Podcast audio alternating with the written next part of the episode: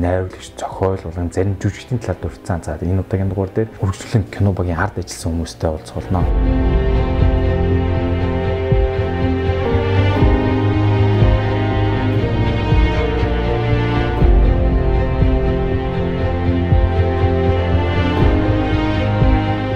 Лутаач киноны Лутагийн дүр буюу жүжигчин Барс тавгтай болсон тэмдэглэг таавхандээ хүргье. За Лутагийн дүр болон жүжигчин Барсагийн бодит амьдрал дээр энэ хоёр бол хоорондоо шал ондоо гэж байгаа. Яг тэгвэл Лута бол аливаа зүйлийг хүчээр шийдэх сонирхолтой өөрийгөө барьж өрөхийг хүсдэг хэрэггүй хийсэн зүйлээ зөв гэж бодоод явж идэг. Үзэгчдийн харж байгаа өнцгөөс бол э, лутаа бол нэг л тийм буруу зүйл хийгээд байгаа юм шиг харагддаг юм шиг байна. Гэхдээ яг лутаад бол өөрт нэг зорилгоо тэр зорилгоо биелүүлэх гэж явж байгаа залуу гэсэн. За тэгээд э, буруу зөв юу бас хэдүүлээ 20 дугаар мэдээлэл ангиас үргэлжлүүлэн харах болно. Жүжигчин Барса маань тухайн дүрийг өөрийн биеэр дамжуулж гаргахыг маш их хичээсэн. Тэгээд тухайн хүний мөн чанар, зан характер, шинжүүдийг судалж байгаа. Ер нь бол ингэсэн гэж байгаа. Киноны 5 дугаар анги хүртэл хүмүүс бол лутаад бол маш их хайртай, хамгийн кул залуу байна гэж бодож байсан гэж байгаа. Тэгээд 6 дугаарын гарснаас хойш бол за тэгээд түүний нэр хүндэл шалаар нэг болсон буюу хүмүүс кинонд хит ороод жүжигчнийгээ жоохон үзий ядаж ихсэн. За бараг л болж игэл дараагийн ангид бараг өөрчлөх байгаа юм шиг бол утаа ингэчүүл таарна гэтэр гэлэр хүмүүсийн комментиг харж байвал Гэхдээ энэ бас нөгөө талаараа юу бэлтгэж байна гэхээр л 37 дугаар тооч кино маань хүмүүст хүрж байна, хүмүүс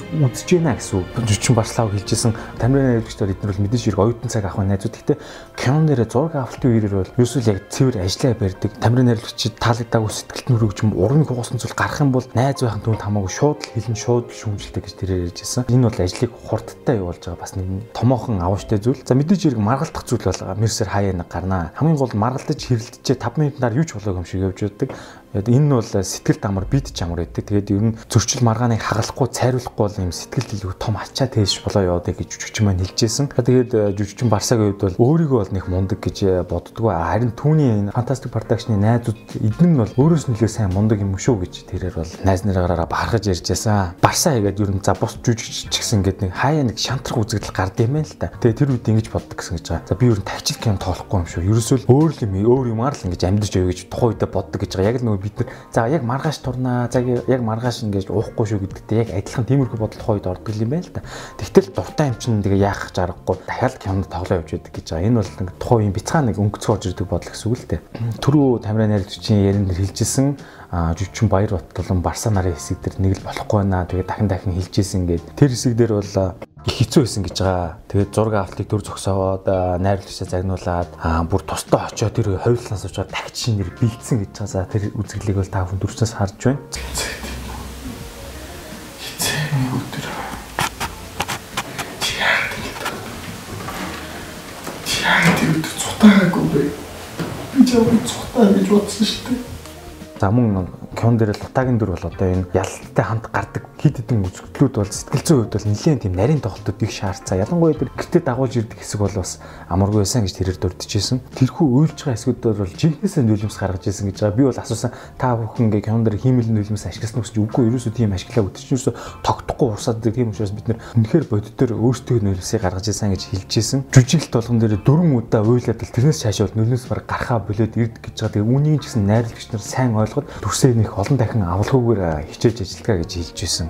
Мөн дархны зураг авалтан дээр бол жүжигчин Барсаа маань зургийн даргын ажлыг орлож хийсэн байж байгаа. Тэгэхээр фантастик продакшнуд бол нэг нь байхгүй хэд ч юм ингээд нэгнийг орлож ажилладаг юм чадвар бол маш сайн суусан байгаа. Ягаад гэвэл өөрийнх нь зураг авалт гарахгүй үзэгдэл дээр өөр юм хийж нэгнийг нөхж гинэ л гэсэн үг. За ингээд 37 дордооч киноны тогсоогийн дөрөв үе жүжигчин хулангийн талаар та бүхэндээ дооч мэдээлэл хүргье. За тэрээр бол солиулгын сургуулийн театр урлагийн сургуулийн хөгжим драмын жүжигчний ангийн дөрөвдүгээр курсын оюутан анх бол ингээд фантастик продакшны түнд бол пробонд орох санал тавьсан. Тэгээд ер нь цохиолын нөгөө текст нөгөө энийгээ сайн уншаад ирээ. Ийм өвчртэй дөрвшүү гэж тайлбарлаж өгөө явуулсан юм байна. Дөрөв өдрийн турш пробонд ороод тэнцлээ сайн бэлдэрэй гэж хэлсэн гэж байгаа. Тэгээд тухайн үед бол энэ оюутанд бол аюу сайхан баяр баясгалтай мэдээсэн гэж байгаа. Соёл урлагийн сургуулийн төгсөөгүй ямар нэг кино зураг авалтанд орох хориотой байдгаа гэж ярьдаг байсан билээ би бол энэ талаар сонсчихсан. За тэгээд сүүлд энэ дөрвөн журам нь шинжлэхдээ сайжраад 3 дугаар курсээс кино тоглож болно гэсэн юм зөвшөөрөл гарсан юм билээ.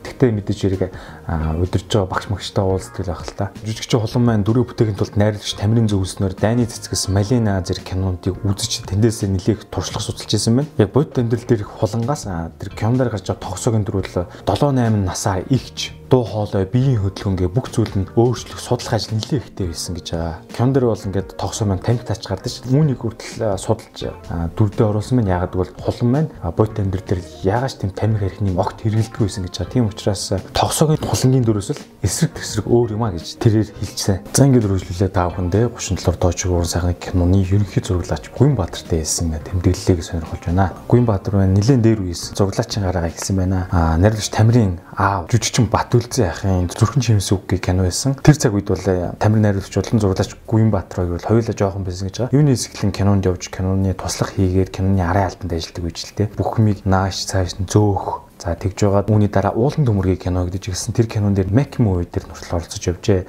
Тэгэхэд Гүн Баатар э, зурлаач маань 10 дугаар ангийн сурагч байж кино хийж байгаа үйл явцыг аван шүү гэж хэлсэн ч гэсэн хажууд нь э, алдарт киноны зурлаач даваа хөөж за түүний хажууд нь яг камера ижлэгэн тавиад зэрэг дүрс аваад энэ бүхнээс эхэлж ингээд зурлаач юм мэлжил дуртоолж 2005 онд радио телевизийн дээд сургуульд зурлаачаа ингээд элсэж орд 2009 онд хүмүүжлэрээ төгсөөд одоо олон кинонд зурлаачин ажиллаж байгаа юм байна. Түүний хамгийн анхны би тааж ажилласан кино бол Машнуус нэг байсан. Fantastic Production-доо бол миний хатман киноос нь эхлээд цуг явж байгаа. Тэгээд уг кинонд бол 20 дугаар зурлаачаар ажиллаж байсан. Би таагаад нь Red Point гэдэг энэ студиэр бол нэлээд олон кинонд явсан байна. 37 дугаар тооч киноны эвлүүлэгч буюу Эрдэнэ сайхан гэж нэг залуу байгаа А энэ бол яг энэ Гуян Баатрын гарынхын шав юм байна. За тэгээд ихэнх кино үзэж байгаа хүмүүс бол найруулагч жүжигч нь ямар хүн байдг вэ ил харагдж байгаа эдгээр дээр их анхаарлаа хандуулдаг. Гэхдээ ард нь ажиллаж байгаа энэ олон нөхсөр том баг эдгээрийг бол тийм сайн анзаардаггүй гэж Гуян Баатар хэлжсэн. За тэгээд түүний шав буюу Эрдэнэ сайхан маань бүхлөвтөн хоёр бүлэг буюу 20 ангийн бие дааж ганцаараа монтажлаа хийж явж байгаа. Маш их зүйлийг сурж байгаа юм байна. Энэ талаар эвлүүлэгч хэсэг дээр бид бүхэн дэлгэрэнгүй ярилцсанаа. За ингээд зурлаач Гуян Баатар дээр бол телевизэн сериал дээр ажиллах санал бол нэлээд ирдэг юм байна. Гүнээ болохоор тухайн үед нь бол цаг их орнд 2 дугаар цохиолон таалагдахгүй юм. Тиймэрхүү асуудал гардаг гэд ер нь бол сериалд нэг их ордоггүй ч юм уу тоодгүй байсан юм байна л да тойрол яваад. Гэсэн чинь Fantastic Production юу өөрөөсөө ингээд 70 80-ад оны түүхийг харуулсан ийм кино хийнэ гэхээр нь бол Гүнбатар зуглаачин бол Аазар нөтөлсөн гэж байгаа. Үнэхээр ингээд хиймээр санагдаад нэг өдөр ингээд яваад орсон чинь Тамирын найруулагч туслах найруулагчтай хамт ингээд томоо самбар дэлгэцэн тэн дээр цохиолынхоо төлөвлөгөө гаргаад юм уу бичээ сууж исэн гэж л дээ. Бас цохиолынхоо эсгүүдээс яриад тэр үед нь тухайн хэсгээс нь сонсчод бүр Гүнбаатар зурлаачи хорхой хүрээд энэ дэр хэн ажиллах юм бэ? Зурлаачаар нь хэн явах юм бэ гэж асуусан гэж байгаа. Тэгсэн чинь Тамирын найлагч дотор өөр хүн амнаа. Чи болохоор ингээд дараа дараагийн кино төсөл дээр өөрийгөө бэлд. Тухайн үед нь Гүний Гүнбаатар зурлаач буцаж яахаараа намайг авдаг вэ? Би орно. Би кинон дээр үнэхээр ажилламаар гэж хэлээд ажлаа зохицуул чадах хэсгийг нь Тамирын найруулагч Батгарч асуусан байна. За тэгээд чадна гэж хэлээд яг энэ ажилдаа орсон юм байна л да.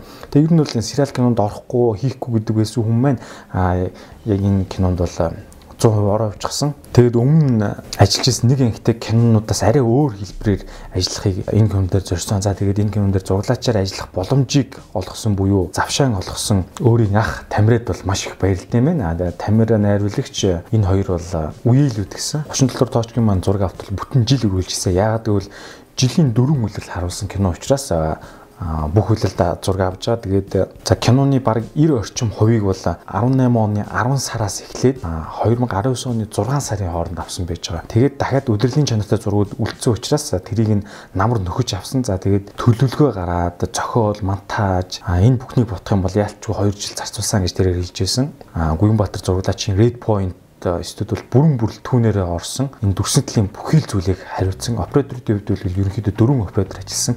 Өөрөө бол ерөнхий зураглаач гэж байж байгаа. Тэгээд давхар зургийн найруулагчаар нь ажиллаад оц зураглаач нартаа зургийн шийдэл план зураг авалт ийм байх хэрэгтэй тийм байх хэрэгтэй гэдэг бүгдийг төлөвлөгөө өөрөө гаргаж зааварчилгаагаа өгдөг байсан. За тэгээд 20 дугаар бүлэг дээр бол зураг авалт бол улам өөрчлөлт арай жоохон орчин үеийн рүүгээ болж эхэлж байгаа учраас энэ дээр ч гэсэн анхаарч зураг авалтаа бас арга барилаа өөрчилжсэн гэж байгаа. Сайн хайжуур сар зүйлсч бас байдаг. Тэгээд энэ зураг авалт хийгдсэн жил орчим хугацаанд дөрвөн оператор байгаа боловч дундаас нь гарч орж яваа солигдсон тохиолдол бол хэд хэд байдаг. Аа кино гэдэг бол өөрөө маш их хугацаа хоног шаарддаг. Гэтэл хүмүүс чинь бас ардаа ажил амьдралтай янз бүрийн проблем хүн тохиолдсон. Тийм учраас ингээд орж гарах үзэгдэл бол байсан. Red Point, Fantastic Production гэсэн энэхүү иймэрхүү үзэгдлүүдийг бол хүн орж харахыг бол нэг хүн дээр хүлээж аваад байдгүй. А яг хамгийн гол нь үндсэн баг үндсэн хүмүүс нь байгаа болохоор зүгээр үүдэг. Тэгээд хоёр хоёр зурлаачаараа хоёр салаад ингэж ажиллаж исэн тохиолдод байт юм байлээ. Яг бол бүгд ингээд хоёр хуваагдаа салахад үнээр асуудал байхгүй юм байна гэгээд кино групп хоёр баг болоод зэрэг зураг авалтыг хийжсэн. Энэ бол нэг өсөнтэй бас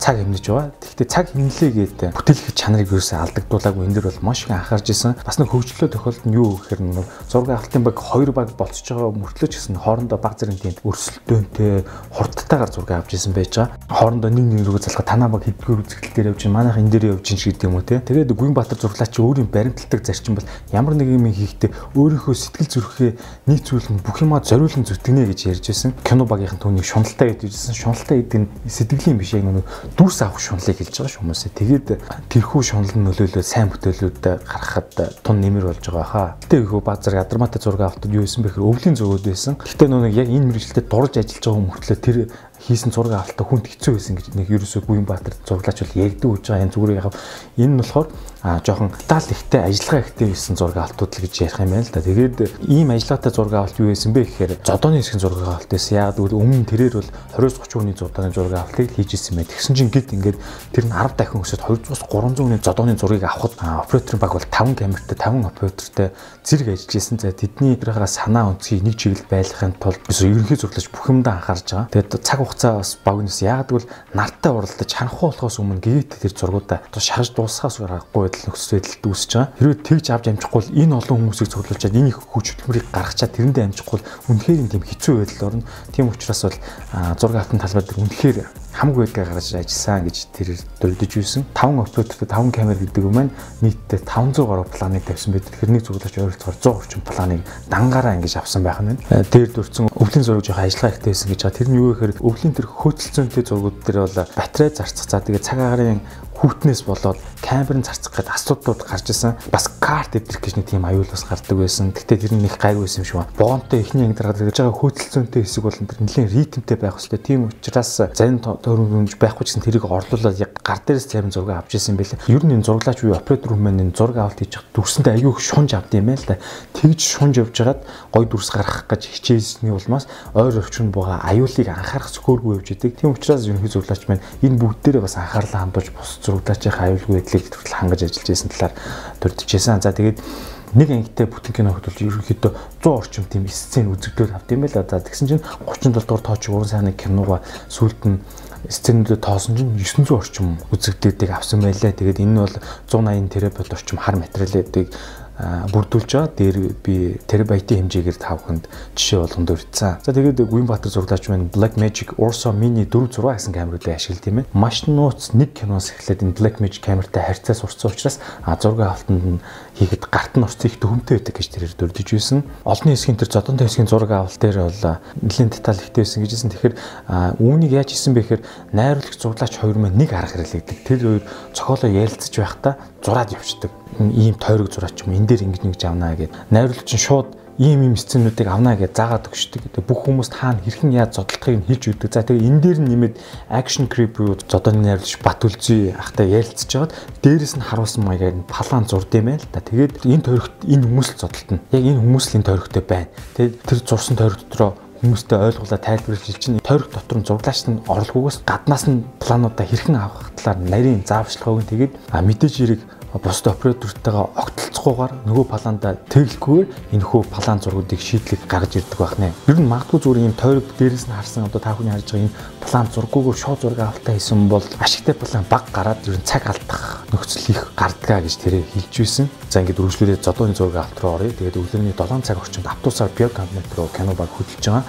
Тэгээд тэндээ өдрийн 1 цаг хүртэл зургийн бэлтгэлийг хийж маасуудаа хувцлаад операторуудын байршууд ярьцсны үндсэн дээр маш сайн бэлдээд орсон учраас 3-аас 4 цагийг зарцуулж байгаа л ингээд олон зураг авцсан гэж чад. Яг нар доошлохоос өмнөхөн зураг авалтуудаа амжиж дуусгасан гэж. Ягаад нарнаас өмнө амжих гэдэг нэхэр нар жоохол гудайчих юм бол зураг авалтын өнгө хөнгөрөх буюу өнгө зөрөх гэж томоохон асуудал гардаг. Тийм учраас яг цаг хугацаатайгаа нарийн тооцоолж өнгө зөөлөхгүй зураг авалтаа хийхийг боддог байх нэ. Хотын төвийнхэн хотын цагаандаа зодоо хийхээр нөө баарнаас гараад явж байгаа жоох slow motion болгочтой хэсэг үүд шээ та хүн санаж яваад алхах явж байгаа бөөндөө а тэр хэсгийг зургийг авч яхад нөгөө нар гутаагаад орой болоод үсний өнгө хөхрөөд эхэлсэн юм л та. Тэгээд за одоо ингээд өнгө зөрчлөө зураг авах боломжгүй гэд найр хүчтэй хэлтэл нэлээд тийм асуудал босч ирэх жишээний тийг дараа нь тэр тийм color grading буюу color editing хийхдээ энэ бол томоохон асуудал болдог. Тэгээ үүнийг мэдж байгаа учраас зураглаач маань зураг автаа зогсоох гэдэг. Тэгтэл найруулагчийн зүгээс бол энэ олон хүнийг цуглуулад ингэж ажид болчиход энэ зургийг авахгүй болохгүй гэдэг. Тэгээд наанаас нь Гүйнбаатар зураглаач дараа нь өнгө зүрхт бол авч болохгүй гэж маргалдаг.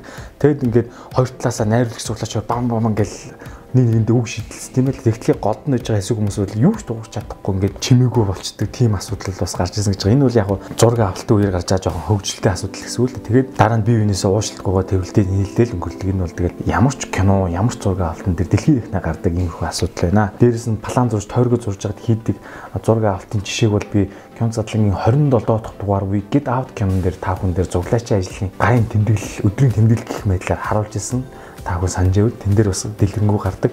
Тэгэд энэ нь болохоор ямар ач холбогдолтой вэ гэхээр бусад зураглаач нартай яг ингэж ингэж аав шүү гэдэг үнцүүдийн заагаад ихчихэр заавал ерөнхий зураглаачаа асуугаад байхгүйгээр өөр өөрсдөө мэдээ түгээд энэ дүрсүүд аваа авчдаг. А цаг үж ажлыг илүү хөнгөвчлөг давуу талтай юм байна.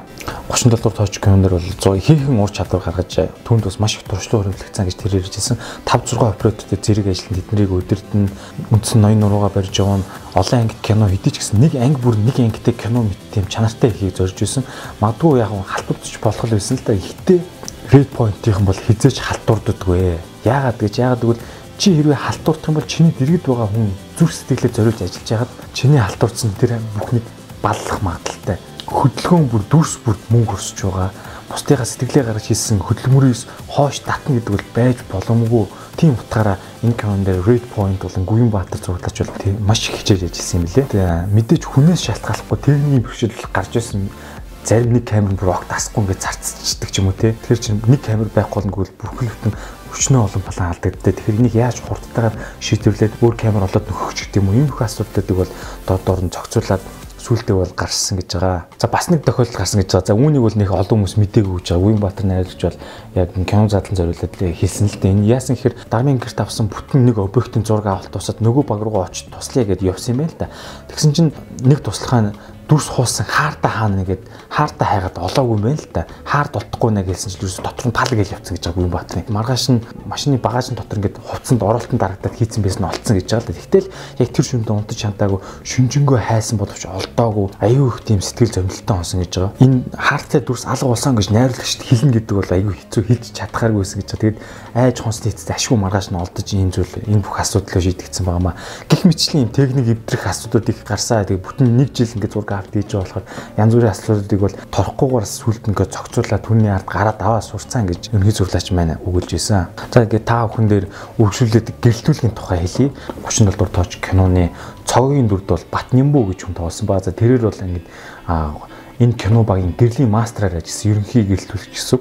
Батнэмбэ болон түүний ажилласан багийг гэрлийн багийг та бүхэн дүрснээс харж байна. Ер нь 20 дөрөвний кинондаас өөр шийдэл хийцэг харуулахын тулд нэг чигийн урсгалаа бариад гэрэл тавилтыг тийм цэхилсэн гэрэлтэй байгаас илүү тийм Орос Мос фильмийн кинодын гэрэл тавилт байдаг шиг тийм дан зуралтай гэрлүүдийг тавихыг хичээсэн. Яагаад гэвэл та бүхэн анзаарах юм бол тэр нэг жоох утаамай тавиад тэр гэрлүүгээ илүү тодгож харагдаг юм зураасан гэрлүүд үүсдэг та бүхэн төвчнс харж байна. Ингиж ажилласан гэж ярьж илээ. Канон дээр солонгийн дүрээр гардаг буюу жүжигчин номингийн талаар бас зарим баримтуудыг хөргий. За тэрээр бол 2019 оны хавар соёл урлагийн сургуулийг жүжигчин мэржлэр төгссөн 37 дугаар тооч киноноос өмнө бол хайрын клуб кинонд гол дүр бүтээжсэн юм байна. Аа бас туслах дүрүүдийг ч нэлээд бүтээжсэн байгаа. Одоо жишээлбэл хүний цаана ман зүсгч One Night High School гэх мэт кинод оюутан байхасаа эхлэн туслах дүр хийж исэн юм байна. Номин ингээд анх цохиолоо уншиж байхдаа үгүй би ингэх ёстой юм ийм хийж болох юм багтаа нэлээх гайхажсэн гэж байгаа. Тэгээ цохиолын дүр ямар байх нь үл хамааран жүжигчин яг тухайн дүрэл гарах ёстой байдаг. Солонгол тийм гэр бүлийн халуун далаан гэгээн байдлыг бүтэн авч үлдэх гэсэн орлогыг хийдэг тийм цагаахан эрх охин байдаг. Сэтгэл хөдлөл өндөртэй буюу нэлээд эмзэг инхрээ учраас киноны турш нэлээд хэдэд уйлдаг. А тэгсэн чинь бод амьдрал дээр солонгийн дүр буюу жүжигчин номин хэр баргийн зүйл уйлдах уу хатуу тийм хүн байсан гэж байгаа. Тэгэхээр энэ бас өөрөөсөө өөр дүрийг гаргана гэж жүжигчин хүний чадвар тодорхойлоо юм л да. Ойр ойрхон уйлах хэцүү байсан учраас кино багийнхнаас ах эгч нараар нэлээд заалгаж тэднээс суралцж байж дүрийнхээ ард гарсан гэж тэрээр хэлж байсан. Залуу жүжигч учраас бүх зүйл тийм амар байгаа үгүй. Жишээлбэл тэр жүжигчин Баяр Бат дээр үнсэлцэг хэсэг бол бас нэлээх ичиж сандарсан гэж тэрээр дүрдчихсэн. Мөн энэхүү гушинтал тооч кинонд явснараа жүжигчин ном маань хүндлэл хариуцлага гэж юу гэдгийг цаг барих хүнтэй хэрхэн харилцах ёстойг сурсан фантастик продакшны баг хамт олонд орж ажилласандаа бол Хийхэн туршлага хөрлөөсөн тун их баяртай байгаа бас дүрдэж байлаа. Кямны зураг автын үеэр тохиолдсон хөгжлийн явдлыг дүрдэх юм бол жүжигчин ном маань нисгтэр нэг зураг авалт хийсэн юм байл та. Тэгээд олон зурагтай байсан учраас зураг авалтын баг нь анзаарах ч юм уу дараа нь зураг авалтад босоод орой харсан чи тексттэй мартсан буюу дутуу уншсан байт юм билээ. Тэгсэн чинь тэгээд үүний дараах нь нэг жүжигчин ганцлуун түн рүү залгаад чи тексттэй дутуу юм байна. Дахиж зураг авалт хийнэ гэж хэлээд уцаад алсан юм байл. Тэгээд ер нь бол жүжигчин ном маань тас болоод ингээд нэг ажлаа олон дахин хийх болоо намайг үнэхээр уучлаарай. Дахиж юм улдаа гарахгүй шүү гэд нэлээ их гимсэн байдалтай урт хөвтэй мессеж бичээд ерхий найрлагч Тамир руу илгээчихсэн юм байна. Тэгсэн чинь яг үнэндээ болохоор Тамир найрлагч үүнийг нь мдээгүй төрхөн зур гадагшаа авчихсан. Тэгээд кино багийнх яг энэ хэсгийг ерхий найрлагчтай хэлээгүй нуусан юм байл. Номингийн мессежийн балгаар гэх юм дэ хөгжлийн хувьд болоод кино багийнхныхаа барьж өгөөд ахныгаа барьж өгсөн ч юм ийм хөвгөл тохиолдлууд гарч ирсэн гэж тэрээр дурдж ирсэн. За ингээд 37 дугаар тоочог олон ангид киноны туслах найруулагчаар ажилласан саруул буйнтай хийсэн тэмдэглэлийг та бүхэнд өргөх гэж байна. За тэрээр бол жүжигчний мэрэгчлэр CDD зургуулыг төгссөн. За тэгээд анх 2012 13 онд драмын чатар жүжигийн олон хэсэгт явж байгаад тамир найруулагчтай анх танилцчихсан юм билээ. За тэгээд зүрхний хилэн үүний дараагаас байтаг кино зураг авалтанд гэрлийн туслахаар тууштай явж байгаад энэ үед нь тамир найруулагч юу н хувийн талаас нь олж харсан юм уу яасан. Тэгээд туслах найрлагчийн санал тавьсан юм байна. За тэгээд ийм ирч хүчтэй залуустай хамт нэг баг болж ажиллана гэдэг бол маш их сурах зүйл байсан учраас тэр бухан тас зөвшөөрөөд туслах найрлагч болжээ. За ер нь туслах найрлагчийн үүрэг бол ерөнхийн найрлагчийн анхаарал хандуулах шаардлагагүй тийм жижиг деталь зүйлсүүдийг хариуцсан ажилддаг. Ерөнхийн найрлагч бол кино зохиол зураг авалт тэр том том ерөнхий жанжин шугамаа барай хараа явж идэг. А нэгдүгээр найрлагчаар бол жүжигчин Бат Түшиг аха 20 дугаар найруулагчаар нь эрхэн бүрэн гэж хүн ажилласан байгаа. За тэгээд дээр нь саруул буюу нэмэгдэж байгаа. Эрхэн бүрэн найруулагч бол хажууд нь байсан учраас маш их зүйлийг тэрнээс сурсан гэж ирж ирсэн. Гэр нь бол Fantastic Production-ы бүхэл кинонд оролцсон ийм чадварлаг залуу байт юм билээ. Энэ хоёр маань хамтдаа энэ туслах найруулагчийн ажлуудыг базаж амжилттай ард нь гарсан гэж байгаа. Ерөнхийдөө кино зургийн авалтын уртын төлөвлөгөөг бол маш сайн гаргасан. Өдөр бүрийн зургийн авалт хідэн үзэгдэл байхаа мас орох уугүй хүмүүсээ яаж амрах хэрхэн ядраахгүй зургийн авалт хийх вэ гэд энэ бүгдийг нэг бүрчлэн урт хугацаагаар төлөвлөж маш нэрийн деталь гаргаж байгаа. Иймэрхүү сайн төлөвлөсөн учраас ажил бол их төхөмтэй явжсэн. Жишээ болоход тухайн өдрөө авч болохгүй үзэгдлийн оронд ямар үзэгдэл нөхөж авах гэж гэдэг юм уу тийм маневр хийгээс авахгүй бол кино багийг ядраахгүй тал дээр бол маш их зүйлийг анхаарч ажилласан гэж сарвал буян найруулагч юм хэлжсэн. Кино багийнхан бол түүнийг Савка гэж дууддаг. Эрхэн буян найруулагч бол Бүрнэ гэж дууддаг юм лээ. За тэгээ Савка Бүрнэ хоёр маань бол инхүү олон хүний зураг авалтан дээр тал бүр дээр маш нарийн төлөвлөлтийг хийж зураг авалтуудыг амжилттай болгож ирсэн байх нэ. Аа тэгээд кино зураг авалтын ерөнхий явцад нь бол гаднаас орж ирсэн зарим жүжигчдийн цаг хугацааны хувьд бол баг зэрэг асуудал гардаг гэж байгаа. Яг гэвэл гадагшаа тутагшаа авах өөр ажил төлөвлөлт дундуур нь өөр зураг авалттай болох ч юм уу энэ болгон дээр маневр хийж Савка Бүрнэ хоёр маань төлөвлөлтөө байгаа. Туслах найруулагч маань бол уртын төлөвлөгөөнөөс гадна өдөрчсөн төлөвлөгөө гаргана. Үүнд нь тухайн өдөр хэдэн сцен байхаа, хэдэн шөний сцен байхаа зэрэг багтдаг. Том том үзэгдлээ нэг өдөр тавих юм бол хүмүүс нь ядраад ингээд туйлтан тийм учраас аль болох хооронд нь хольж ин төлөвлөгөө гаргадаг гэж байгаа. Нарийн хуурж гаргасан энэ өдөрчсөн төлөвлөгөөгөө ерөнхий найруулагчаараа батлуулаад төлөвлөгөө гарсны араас нь группийн бүх ерөнхий зураач, стилист, зургийн дарга нар гэдгийг тэр төлөвлөгөөний дагуу доошо детальчлан хүн бүр дээрээ базж ажиллах юм байна. Тухайн зураг авал тухайн өдөртөө юу хэрэгтэй тэр бүгдийг бол бэлэн байх үүрэгтэй байдаг. Бас ингээд туслах найруулагчтай хамтраад зургийн дарга бол нэлийн шахуу нэгт ажилдаг. Нийтээр олон хүний зураг авалт буюу массыг авчирд бүтэн өдрийн турш юу идэх, хаанаас яаж хөдөлгөх зэрэг шийдвэрлэн. За жишээ нь цэргийн ангиас мастер олон хүний татах зураг авах хийх газартаа аль ойрхон байлгах тэр хооронд нь машинаар явах цаг хугацааг л багасгах гэдэг санаа гэсэн. Гэх байдлаар энэ бүгдийг зохицуулдаг. Тэгээ нөгөө талаараа тэгээд энэ бол цагийн хуваар өдрөө өглөөний үзэгдлийг тааруулна гэсэн үг. Жишээ нь одоо ах プ настай жүжигчдийг шөнийн үзэгдэл тоглох байтал өглөө эрт авчираа суулгаад байж болохгүй. Тийм учраас цагийг нь хэлж дуудаж тохируулна. Тийм санамсаргүй байдлаар хин нэг нэг мартах юм уу орхигдуулах зүйл огт гарч байгаа. Яг сарвал буюу эрхэн бүрэн энэ хоёр найрагч дээр нь доотлол дахиад туслах хэд хэдэн найруулагч гэхээр энэ олон хүний толгоноос бол нэг ч зүйлийг алдалгүй маш сайн барьж авдаг байсан гэж ярьж ирсэн. Жишээ ярихад бол том том үзэгдлийн зураг авалтыг хийхэд бол машинаар яаж явах вэ? Түгжирлээ хүртэл машинарын тооцоолдог байсан гэж байгаа. Уулын замаар явбал амжих уу? Яаж ийдэх үү? Жишээ нь өдрөн зайсан зураг авчихад оройн 7 будал зураг авалттай бол маш их хугацаа алдна. Тэр хооронд ингээд төгжиж явсаар байт. Иймэрхүү цаг алдах зүйлсээс зайлсхийн аль болон урьдчилан бэлтгээд зурганд орох бүх жүжигчд рүүгээ ярин хэрэглэх зүйлсүүдийг бүгдийг бэлэн байлгана. Хуучны машин гарлаа гэхэд Тэрний дагаад массыг бас бэлэн байлгана. Жишээ нь одоо ингээд цагдаагийн 4 машин байх хэрэгтэй гэхэд тэнд нь дагаад 16 цагдаа хэрэгтэй бол нэмлэгийн нэг машины төрний машин байлаа гэхэд түүний дагаад 4 юмч гэх мэтлэн энэ бүдийг нэг бүрчлэн асуудал бэлэн байлгах хэрэгтэй бол энэ бол туслах найрлагч ажил юм байна. Ер нь бол найрлагч яг энэ зураг авалтын ингээ хэлсэн бол яг тэрийг бүтээхийн тул тэр зураг авалтын газартай маш сайн дийл хийж ярилцаж тохиролцож бүгдийг бүтээхэд төлөө ажилладаг байсан гэж байгаа.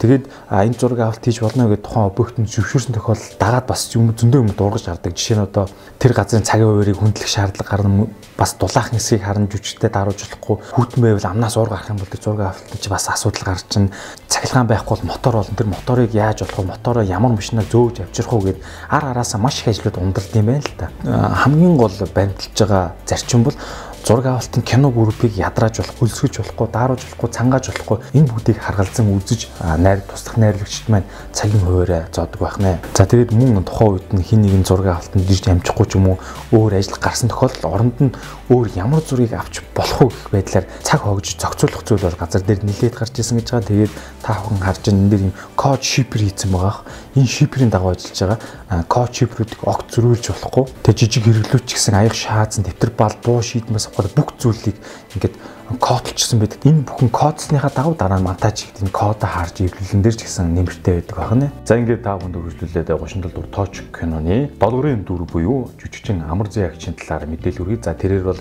хөгжмийн нэрт удирдаач Мул улсын урлагийн гавьяа зүтгэлтэн Жамарсан Жавын охин анх бол балетчин болох гэж байгаа жүжигчин болцсон. Ер нь бол паст толом эвлүүлэх хоббитэй тэрээр бол фантастик продакшны жүжигчин Варславгийн анхны жүжигийн багш юм байна. Варслав бол хүүхдийн ордонд драмын дугууланд явж байхдаа Амар Зэя багш дээр очиж хичээлдэг байсан байх нь. Жүжигчин Барса энэ кино тоглох уу гэд багшаасаа асуусан юм байна л да. Яг тань зориулагдсан дүр байна. Тэгэд ингээд жүжигчин Амар Зэя найрагч Тамиртай уулзаад би энэ дүр тоглож дийлэх болов хэмээн эргэлзэж байсан юм билээ. За тэгээд э, Тамир найруулагч түүнд та дүрээ хар гэж цохиолыг нь уншуулсан. Та бол аригчин болох ёстой гэж хэлсэн. Тэгээд тухайн үед үедээ бол жүжигчин амар заяа бол энэ дүрийг гаргаж чадах болов гэж бодсноос муухай харагдах юм байна гэх мэтэр бол ерөөсөө бодож төсөөлөөгүй. Долдгын дөрөөс л айгаагүй кино зураг авалтна гэж оролцсон байна. За тэрээр бол өмнө Бадрууга гисний найруулсан уулын хөгс өдөр ертөнцийн сүүлчин чулуу гэдэг уран сайхны кинонд 96 98 онод гол дүртэн тоглож байсан юм байна. За ингээд та бүхэнд өргөжлүүлээд киноны эвлүүлэгч Эрдэнэ сайхантай хэлсэн ярианы тэмдэглэлээ сонирхуулъя. Нэг жил тасралтгүй 30 дугаар точ киноны эвлүүлэг дээр сууж байна. Анх бол 20 жилийн өмнөөс эхлэн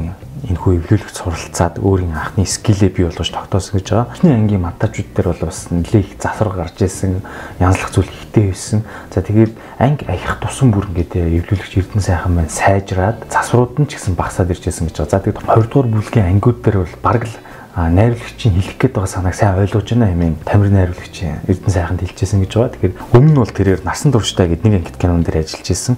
30 доллар тооч киноны ерөнхий зөвлөгч Гүн Баатар тун их хамтарч ажилладаг, тулж ажилладаг гэсэн. Ер нь бол жүжигч гэсэн би энэ хэсэг дээр нь илүү тоогоосон. Тэр хэсгийг оруулъя гэж хоорондоо их ярилцаж шийдвэрлэдэг гэсэн гэж байгаа. Яагаад гэвэл нэг үзэгдлийг бол нэг удаа авахгүй бас 2 3 удаа давтаж явж байгаа. Тэнд унаас хамгийн сайн гэснийг сонгоод эвлүүлэгчтэй бас хэлдэг байсан байх нь. А эвлүүлэхийн явцад бол компьютер их гацж исэн жоохон хүндрэлтэйсэн гэж байгаа. 10 ширхэг том хэмжээтэй хаар залхахаар бол ямар ч сайн компьютер гасдаг гэж байгаа. Яг л энгийн компьютер бол дөрвөн ширхэг хаар төлөж авах тийм потенциал боломжтойгоор хийгдсэн байдаг. Гэтэл энийг нь хоёр дахин давуулаад хаард ичгээр бол ер нь бол хурдан хурдан дүүрэн за тэгээд ачаал их өгдөг болц гацх асуудал бол нэлээх гардаг байсан. Ер нь одоо ингээд киноны монтаж хийж байгаа ч гэсэн хаяа хаяа гасдаг гэж хэлээ. Тэгэхээр энэ бол ер нь хүнээс шалтгаалаагүй техникийн хүчин зүйл байгаа гэж харагдаж байна. Түүний ажиллаж байгаа компьютер бол 64 ГБ RAM-тай. Ер нь бол 64 гэдэг бол компьютерийнхоо тэр RAM орох зай слотыг бүгдийн тулталд дүүргэсэн байгаа гэсэн үг. За тэгээд та бүхэн дүрснээс энэ пикап буюу энэ дүрсүүтэй нөөцлсөн хаардуудыг харж байна. Одоо нэг хард нэгтэл багцаагаар 5-аас 10 терабайтын хэмжээтэй байгаа. За Эрдэнэ сайхан эвлүүлэгч маань бол бүх зургийг ер нь анхнаас нь их дагаж явсан байлаа. Анх зураг авалт бац хөмбөрөөс ихэд л тэнд нь зураг авалтын хажууд компьютероо зоогоол хажууд нь суугаал өрөөнд ингээл монтаж хийлжсэн бэлээ. Тэгээд таана явн тэнд нь дагаал төлөөнөөс орой өвл бас зураг авалтантаас туслана. Шүн нь бол монтаж хийдэг.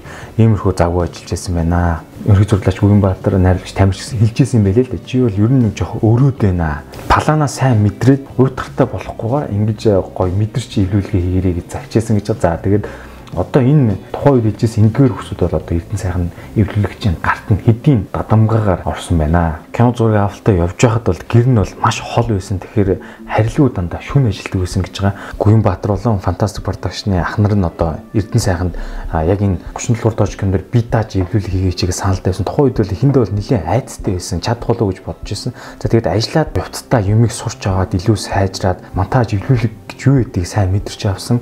Өнгө яаж тавьдгийг мэдсэн. Тэгээд юу н олон ангид кино бол нэг ангид киноос хэрхэн ялгаатай байдгийг суралцаж хичээл зүтгэл гарган явсараад маш сайн мундаг эвлүүлэгч юм бол ирээдүйд Монголын кино урлагт гарч ирж байна.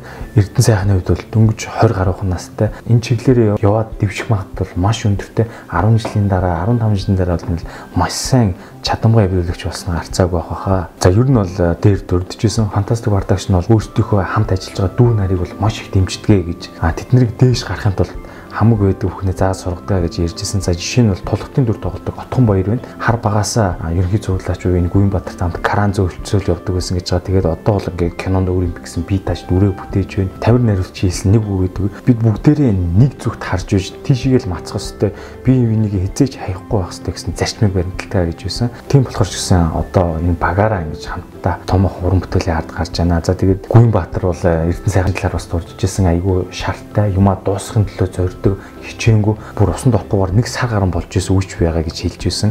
Тэгээд аа би ингээд гэртээ харчаад ирмээр байна гэхтэн асуухт нь эхлээд зураг дуусгаад яваа дараа нь харьяа гэж одоо Уянбаатар хэлчихсэн удаатай юм бэлээ. Тэгээд яагаад ингэж нэхэр бол зураг авалт болон эвлүүлгээс эхлээ бүх юм цаг хугацаатай уралдажсэн тийм учраас бол энэ яалтч байхгүй орхиод явж болдгоо гэм чухал ажил байгаамаа гэж Уянбаатар харан тайлбарлаж байсан. Уг кинон дээр шизогийн дүрээр гардаг жүжигчин алдрын талаар та бүхэн мэдээлэл хүргэж бодлоо. За тэрээр бол ихтэй бол жүжигчин хүн хамгийн их ядардаг хэцүү зүйл бол зодонтой хэсгүүд гэж ярьжсэн. Жишээ нэг бол зодооны хэсгийг эхлээд нийтээр нь өргөн үнцгийн дүрс уу офшор наав за дараа нь бүүнд нь дахиж зодтолж байгаа дүрсийг аав дараа нь тус тус нэг нэгээр нь детальчж аав гих мэтлэн олон талаас нь дахин дахин авдаг. За дээр нь дан ганц биеийн ачаалал гэхээсээ илүүтэйгээр амьсгалаа хэрхэн зохицуулах тал дээр хүртэл ажилтгаа гэж ярьжсэн. Олон дахин байнга хийгээд байхаар тухайн хүндээ баг биеийн тэмрийн тасгал болчдгоо гэж тэрээр дүүжижсэн. За тэгээ та бүхэн анзаарсан бол шизогийн дүрмээр юм сүх байраад явдаг. Зохиол дээр бол анханасаа энэ шизогийн дүр сүхтэй ажиллана гэж заагаад өгсөн байсан. Харин ямар сүх байх вэ гэдэг дээр л нэлээх ярилцсан юм лээ. За тэгж жаад хууран сүх гэвэл хиймэл харагдана. Тэрний оронд яг жинхэнэ бодит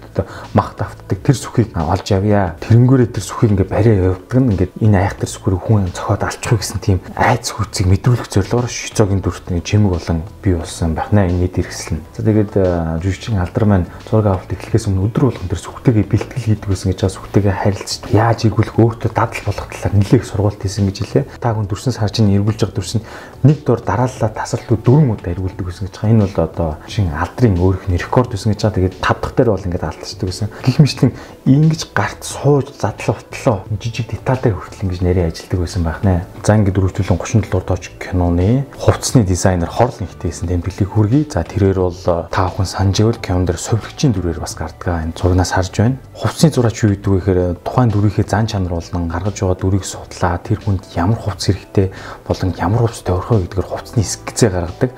Зөөлөн зантай юу, хурц зантай юу, ээж хүн үү, хүүхэд хүн үү бүх шинжийг нь харгалзан үзэж хувцсны скиц гаргах болон хийх үйлдвэрлэх сонгох ажлыг хийсэн. За жишээлбэл хоёр үйлрлийн туршид нэг дүр маань 5-аас 6 удаа, зарим гол дүр маань 6-аас 7 удаа хувцас солисон байдаг.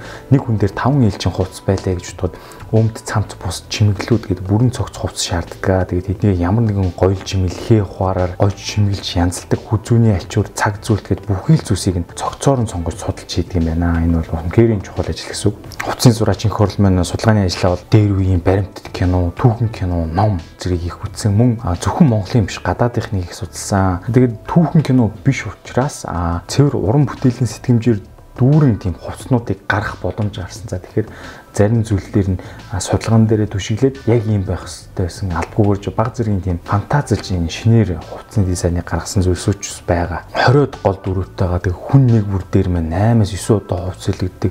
Нэг ээлжийн 5-аас 6 хувцсыг бол дунджаар нэг хүнд 35 орчим хувцс солигдож өмссөн гэсэн үг. Мөн тэгээд 1-р бүлэг болон 2-р бүлэг дээр хувцсалтай бол бас баг зэргийн жоохон өөрчлөлтөөгөө гарна гэж хэлж илээ. Хувцсны баг маань массын хувцс дээр бол маш их ажилласан. Том өрөө дүүрэн хайрцагтай масс масын хувцас бий болсон. Тэгээд тоог нь гараа гэдэг бол үнэхээр хэцүү гэж ярьж илээ. Ягаад гэвэл ойролцоогоор 3000-аас 5000 орчим тийм хувцснууд байсан. Жишээ нь хамгийн их мастай зураг бол дархан давагдсан сүүлийн зураг авалтсан. Хүмүүн дээр бол 1000 гаруй мас хүн ирсэнтэй. Тэгээд энэ дээр нь иж бүрнээр нь бүгдийг нь хувцалсан. Эдгэр хувцаа тоож бол 3000 гаруй болно гэж инх хурл хэлжсэн. Яг гэвэл нэг хүн дээр чинь өмд малгай цамц гэхээр ингээд нэг хүний хувцас чинь дор хэж гурваар үржигтэй явчихж байгаа. Энэ их хувцуудаа бол бүл бүтэн автобус дүүрэн зөөдөг байсан гэж байгаа. Автобусны таа зүртэл шалнаас нь дээшээ дүү өрсөн байсан. Хувцсын зураач инх хурлын тооцоосноор нэг жишээ авч ярээ. За нэг балтаанд 4-5 м даваа ордог. За 20 балтай байлаа гэхэд 90 м орчим даваа зарцуулж байгаа. Сороочгын цамц гэд бол одоо бид нар өмсөж байгаа цамцыг үл өмсөж байгаа яг тухайн цаг үед зохицуулж шинээр хийсэн байгаа. Тэгэхээр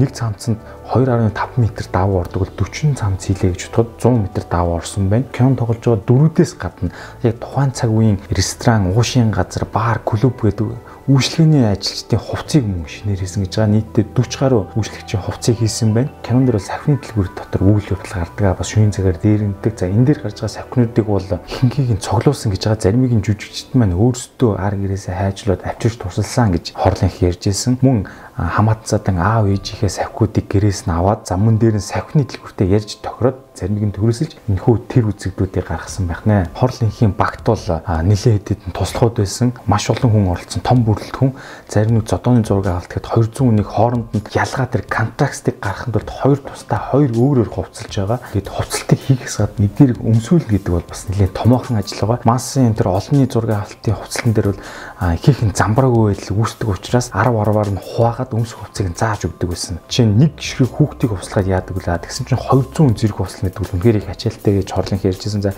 сүүлдээ энэ ажилдаа маш сайн дадаж туршлагаж чад зургийн талбай дээр хамгийн ихэнд очиод байрлалаа эсрээд хамгийн өндөр зэг дээр гарч зогсонгуудаа хувцснуудаа дэлгэж өрөнгөтөө өндрөөс нь намаар жагсаалгаад тэгээд буцуудыг өгж өмсүүлдэг байсан гэж байгаа. За бас цэргийн ангиас цэргүүд ирж хуслахад бас амар байсан гэж байгаа. Яг бол диктатуртай, дэг журамтай хурдан явагцсан гэж тэрээр хэлж байсан. За мөн ингээд зураг авалтын үед хувц урагдах ханзар тохиолдол наад захын асуудал утас зураачийн баг бол хамгийн эрт тусч хамгийн сүүлд унтдаг байсан. Өдөр болгон зурган дээр цус шороо ч юм уу бохирдсон тийм тоо зөндөө зүйл болдог. Тэрийг цэв цэвэрхэн байлгах ёстой байдаг учраас жүжигч Эмчтэй ажиллаад дуусны дараа тэдгэр хувцыг янзаж шинээр бэлдэж ханзарсны ноён угаан эндүүд нь хадна гэдэг тиймэрхүү ажлууд бол өдөр болгон байсан. Хамгийн их проблем гэвэл бэлдээд ирсэн хувцууд маань хүнд таарахгүй тохиолдол их гарч ирсэн гэж байгаа. Тэгэхээр тэр хувцыг дахиж янзлаад дахиж шинээр ойдог. Энэ бүхнийг багаараа хамтарч иж маш хурдан хийсэн. Жишээ нь тэр цэргийн шинээл гэдэг их цуцаан байдаг. Тэгээд тийм болохоор хурууныхаа өндгөө цоортол дахин дахин ойдог байсан хэмээн хорлын гуцны зураач дүрцэн мөн түүний баг бас яг яг энэ дээр дүрцэн ажлуудыг бол давхар гүйцэтгэж байгаа.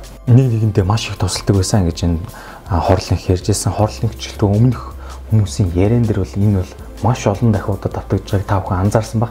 Тийм учраас энэ кино гэдэг бол багийн ажиллагаа маа гэдгийг энэхүү дугаараас бол маш сайн ойлгол танд үлдэж байгаа хаа. Хорлын их маань яг энэ эскизнийхээ дагуу эрэл хайгуул хийж Улаанбаатар хотын бүхий л давуу материалын дэлгүүрээр орж скет зургаа барай хараа явжсэн гэж байгаа. Тэгээд э, төрлийн материалыг байж үүсэн сонгож шилж ажиллах хийдэг гэсэн гэж байгаа. За тэгээд хэдийгээр дав үе хэмжээгээр авч байгаа ч гэсэн бүх бүх загварууд нь тийм өөр өөр байх шаардлагатай байдаг. Тийм учраас э, олон янзын материал хайх хэрэгтэй болж байсан. Мөн хийсэн бүх хувцсан дээрээ тийм хуучруулалтыг хийжсэн гэж байгаа. Хуучруулалт нь ямар учиртайг бол тухайн кинон дээр бол хүмүүс хувцсыг нэлээд олон жил өмсөөл эдэлсэн тийм байхаар дүрслэгдэх өстэй л. Тэгэхээр ингээд хийсэн хувцнуудын зарим ингээд шинэ яваад байдаг. Тийм учраас тэдгэрийг зориудаар хуучруулж исэн гэж хорлон ярьжсэн. Тухайн цаг үед бол тийм олон солионы хувцас хүн болгон байгаагүй нэг хувцас олон дахин өмсдөг байсан учраас бол яг энэ хуучралт бол зайлшгүй хэрэгтэй гэж үздсэн юм байлээ. А жишээ нь бол одоо тэр махны үйлдвэрт ажиллаж байгаа хүмүүсийн хувцас хормогч энэ төрхэд бол байнга өмсөж байгаа учраас хэр толб цус тогтох хэрэгтэй тэрийг бол зориуд дээр ингэж боддог шумхаар орлож хэртүүлэх юм уу тийм зүйл хийдэг байжээ. Тэгээд зарим зураг алтан дээр жүжигчт маань одоо чинь цоо шин хороомон гуталтай гэж байгаа. Тэгэхээр тэр хороомон гуталын нуглаас өвчлөө үүсэх юм уу тоос шороо тогтоож арай амжилттай болгож зураг автанд орвол дээрээс нь заримдаа дэвсэлж тохиолдол гардаг. Гэх байдлаар хуучруулалтыг бол янз бүрээр хийдэг байсан. За мөн та бүхэн кинон дээрээс харсан бах тэр шоронгийн зураг алтан дээрх хувцнуудын ингрийн бичглийг бол бүгдийг нэг үрчлэн гараар ойж хийсэн гэж байгаа. Энэ дээр нь одоо байдаг шүү. Тэрийг бол хийсэн. За мөн 1980-ад оны цагдаа буюу сэргийлэгчийн хувцыг бол захиалгаар хийлгсэн. Энэ мөрцдөр нүүдийг цолны тэмдэг буюу таван хошуунуудыг бүгдийг нь Оросын үйлдвэрт хийлгээд тэндээс Оросоос захиалж авч ирсэн гэж хэлээ. Ер нь бол кино багийн оюутчдоо тийм их хэмжээний ачааллыг хүсээгүй учраас нарийн деталь зүйлсүүдийг зураг гаргаад Орос руу захиалж ирсэн байх нэ. Утасны зураачийн баг маань бол тун шаргуу ажиллажээ. Тулхтын дүр буюу жүжигчин Отгон баярын талаар бас мэдээлэл өргөе гэж бодлоо. За тэрээр бол 2009 онд хэцүү анги киноны олонний хэсэгт бол анх тоглож ингээд илгэснээр гарч ирсэн. Түүнээс хойш л фантастик продакшны ах нартайгаа танилцаад арын албанд бол 10 гаруй жил ажилласан байна. Дурсамж төгсгөлгүй киноны асент нэрлэгчээр ажиллаж байжээ. Анх баялагцсан сонш үргэлж хамт байсан болохоор ер нь ах нарынхаа ямархуу зан ааштай уурлахаараа яадаг гэд бүгдийг нүднээс нь хараад мэддэг болчихсон ийм залуу байна. За тэрээр бол зураг авалтын явцад бол тамир найрлагч бол хэд загнуулсан гэж байгаа. Тамир найрлагчаас бол айдаг, хажууд нь машин бариад явахдаа хүртэл баг зэрэг сандардаг гэж ярьсан. Айдаг гэдгийг нь бол хүмүүс арай буруугаар ойлгож магадгүй. Энэ бол хүндлэл гэдгээр ойлгол их зөв гэж хэлж үлээ. Яг тэгвэл хүнийг хайрлаж хүндлэхийн хэрээр эргээд үнцийн үс тэндээсээ эмээдэг болчтой. Түүнээс биш одоо ингээд цохиш нүдэ загнаа хөөж чимээ гэдэг тэр зүйлийг бол биш шүү. Тэр айдас биш чинь хүндлийн айдгийг бол том баяр жүжигч маань хэлж байсан. За тэгээд анх цохиолоо уншихад бол тулхтын дүр бол нэлээд өөрөөс нь өөр санагдчихсан. Ягаад гэвэл том баяр маань бод амьдрал дээр бол их төлөв даруухан юм байна. Тэгээд харин тулхтын дүр бол тийм зүрх савс юм л бол ууралж богдож явдаг нэг тиймэрхүү дүр байгаа. Дүрийг бүтээгээд хамгийн хэцүү нь бол уурлах байсан гэж байгаа. Ер нь бол бод амьдрал дээр бол отгон баяр жүжигч бол уурлах тохиолдол мэдээж хэрэг гарч ирсэн гэж байгаа. Гэхдээ бол яг тулхч ингэж савлаж айхтар аашиж ууралсан тохиолдол баг гарч байгүйсэн. Тийм учраас л хит тийм ааш авирыг гаргахын тулд нэг л болж өгөхгүйсэн гэж байгаа. Тэгээд эмэгтэй хүнтэй харьцаж байгаа тэр жүжиглэлт үеийн тогсоотой харьцаж байгаа хэсэг дээр бол арай зөөлдөд байсан гэж байгаа. Түүнийг нь тамир найрлагч анзаарч хараад нэг л болохгүй зөөлдөд арай хүчтэй авир гарга. Тэгээд яг отгон боржч маань тухайн ууралж байгаа хэсгийг олон дахин зураг авалтаа хийгээд байхаар яг тэр давталт болгоноос нервтэй жигнэсээ ууралж гисэн гэж. Ер нь бол камерын ард жүжиглэлтийг хараад суух бол амархан юм шиг санагддаг. Ер нь үзэж үнч гисэн.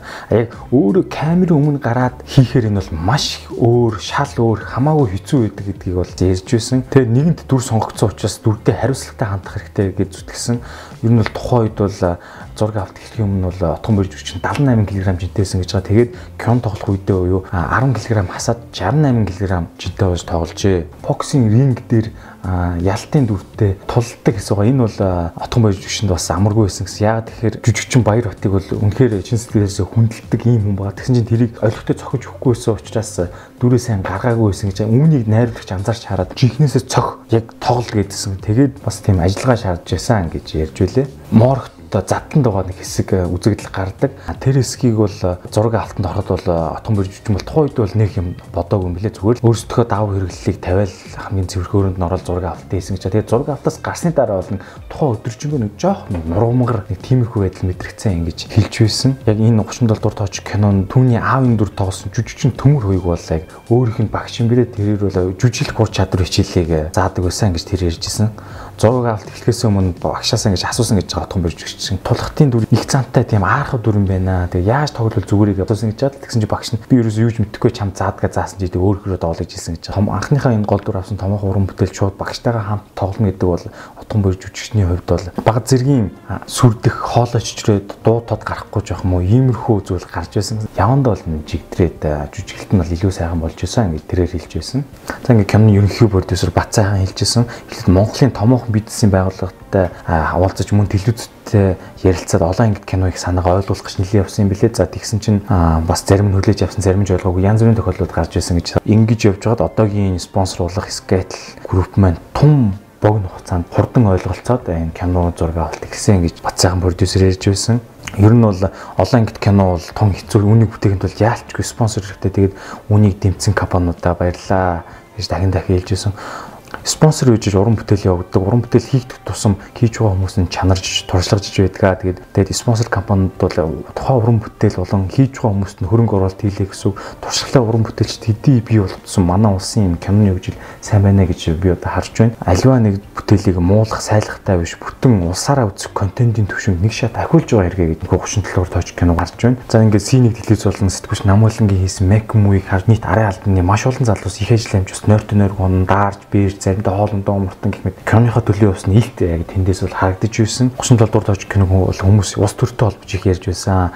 За ер нь манай хүмүүс бол заавал нэг юмтай холбож биш санаа намардаг тийм ард түмэн тэгээд фантастик продакшны хэлж байгаагаар бол урлаг бол ус төрөөс ангид байж хөгжнөө. Бид нар бол ямар ч нэгэн ус төрийн байгууллагатай холбогдоогүй. Одоогүй харин хүмүүс ингэж дэвэргэж яриа өөрөөр ингэж ярьж байсан гэжсэн жишээ гэх юм бол ямар санда тэр дархан зураг авт хийж яхад нь элбэг дурж арчсан хувьсгалын тухай кино захиалж хийлгэж байна гэдэг тийм яриа гараад олон массын зураг авалт дундаас тэр зөндөө ахмад хүмүүс хөрчүүлэн бүр хаяад явцсан тохиолдол хүртэл гарч исэн гэж тамир найруулагч төрдөж байлээ. За мөн бас нэг дуртах юм бол хүмүүс бас нэг он цагийн өв ч юм уу дээр үеийн кинонд нэг ийм ийм алдаа байна гэх гэсэн сошиал постууд бол нэлээд харагдажсэн. Ер нь бол алдаагүй кино гэж хизээч байдаггүй. Зөвхөн Холливуудын киноны алдаагаар дагнасан бүхэл бүтэн YouTube сууг хүртэл цаан ч юм байна. Маш их алдааг илрүүлж яадаг. Тэгээд энэ бол ямар ч кинон дэр байж идэг. За жишээ нь Game of Thrones-ын сүүлийн бүлэг дээр бол копины аяг гарч ирэдэг. За Gladiator кинон дээр бол тэр морин тэрэгний дор хийм болон харагдаж лээдэг. Odyssey кинон дээр тэнгэр дээр онгоц нисчилээдэг. Мөн Caribbean далайн дээрэмчний малгайд адитасын шошго явж лээдэг. Тэгээ үүнтэй адилхан гэсэн 37 дугаар сошг кинон дээр нэг жижигхэн жижигхэн баг анзаардахгүй тийм алдаа бол бас ганц хоёр байгаа байгаа. За ингээд та бүхэн тулааны найруулагч Бат Үлцгийн хувийн архиваас авсан дүрсүүдийг харж байна. Энд дэр бол жүжигчт маань тулааны бэлтгэлээ хийж байна. Яг яг ийм их зодооны хэсэг л урьдчилж ингэж нарийн бэлтгэхгүй бол яг 6 алтан талбар дээр хин нэг нэг гимтэйг аюултай тийм учраас яг хөдөлгөөнийг нарийн гаргаж эсрэг талынхаа хүний цогж байгаа цогтыг мэдээж нөгөө хүн яг хариу үйлдэл үзүүлж байгаа юм шиг энэ хүч жүжиглэлтийг бол маш үнэмшилтэй юм шиг сайн хийх хэрэгтэй гэдэг. Тийм учраас олон дахин маш сайн бэлдсэн байгаа. Мөн тухайн үед орцож байгаа жүжигчт маань хүмүүсээ 10 10-аар нь ингэж аваад тэднэрээ тухайн үед нь зохион байгуулж найруулж юм энэ зураг автанд орсон гэж байгаа. Найруулагч ганцаар бол олон хүн дээр үнэхээр барахгүй тийм учраас жүжигчд нь ингэж габи оролцсон хийжээ. Тэгээ тухайн үед бол ингэж зарим жүжигчдийн бүр хоолой сөөсөн гэж байгаа хүмүүс рүү ингээрээ тэгэрэй гэж хашгирсаар байгаа. Тэгээ 70 80 оны зодооны хэсэг бол мэдээж хэрэг өөр байгаа. Одоо үеийнхээс тэгээд монголчуудын тулаанд кино үзэх хүсэл бол өмшөлтэй байхыг аягүй их шаарддаг үзэгчд маань тийм учраас жижиг хэрэгслүүд хутга сүх тал дээр бол нэлээд сайн анхаарч ирсэн блэ та хүн төснөөс харж эдгээр бол бүгд тийм хиймэл хүн гимтэй хэрэг зүйл материалаар хийсэн байгаа. 200 хүний зодонтой хэсгийн зураг авдаг бол 4-5 хоног э, бэлтгэл ажил нь хийгдсэн.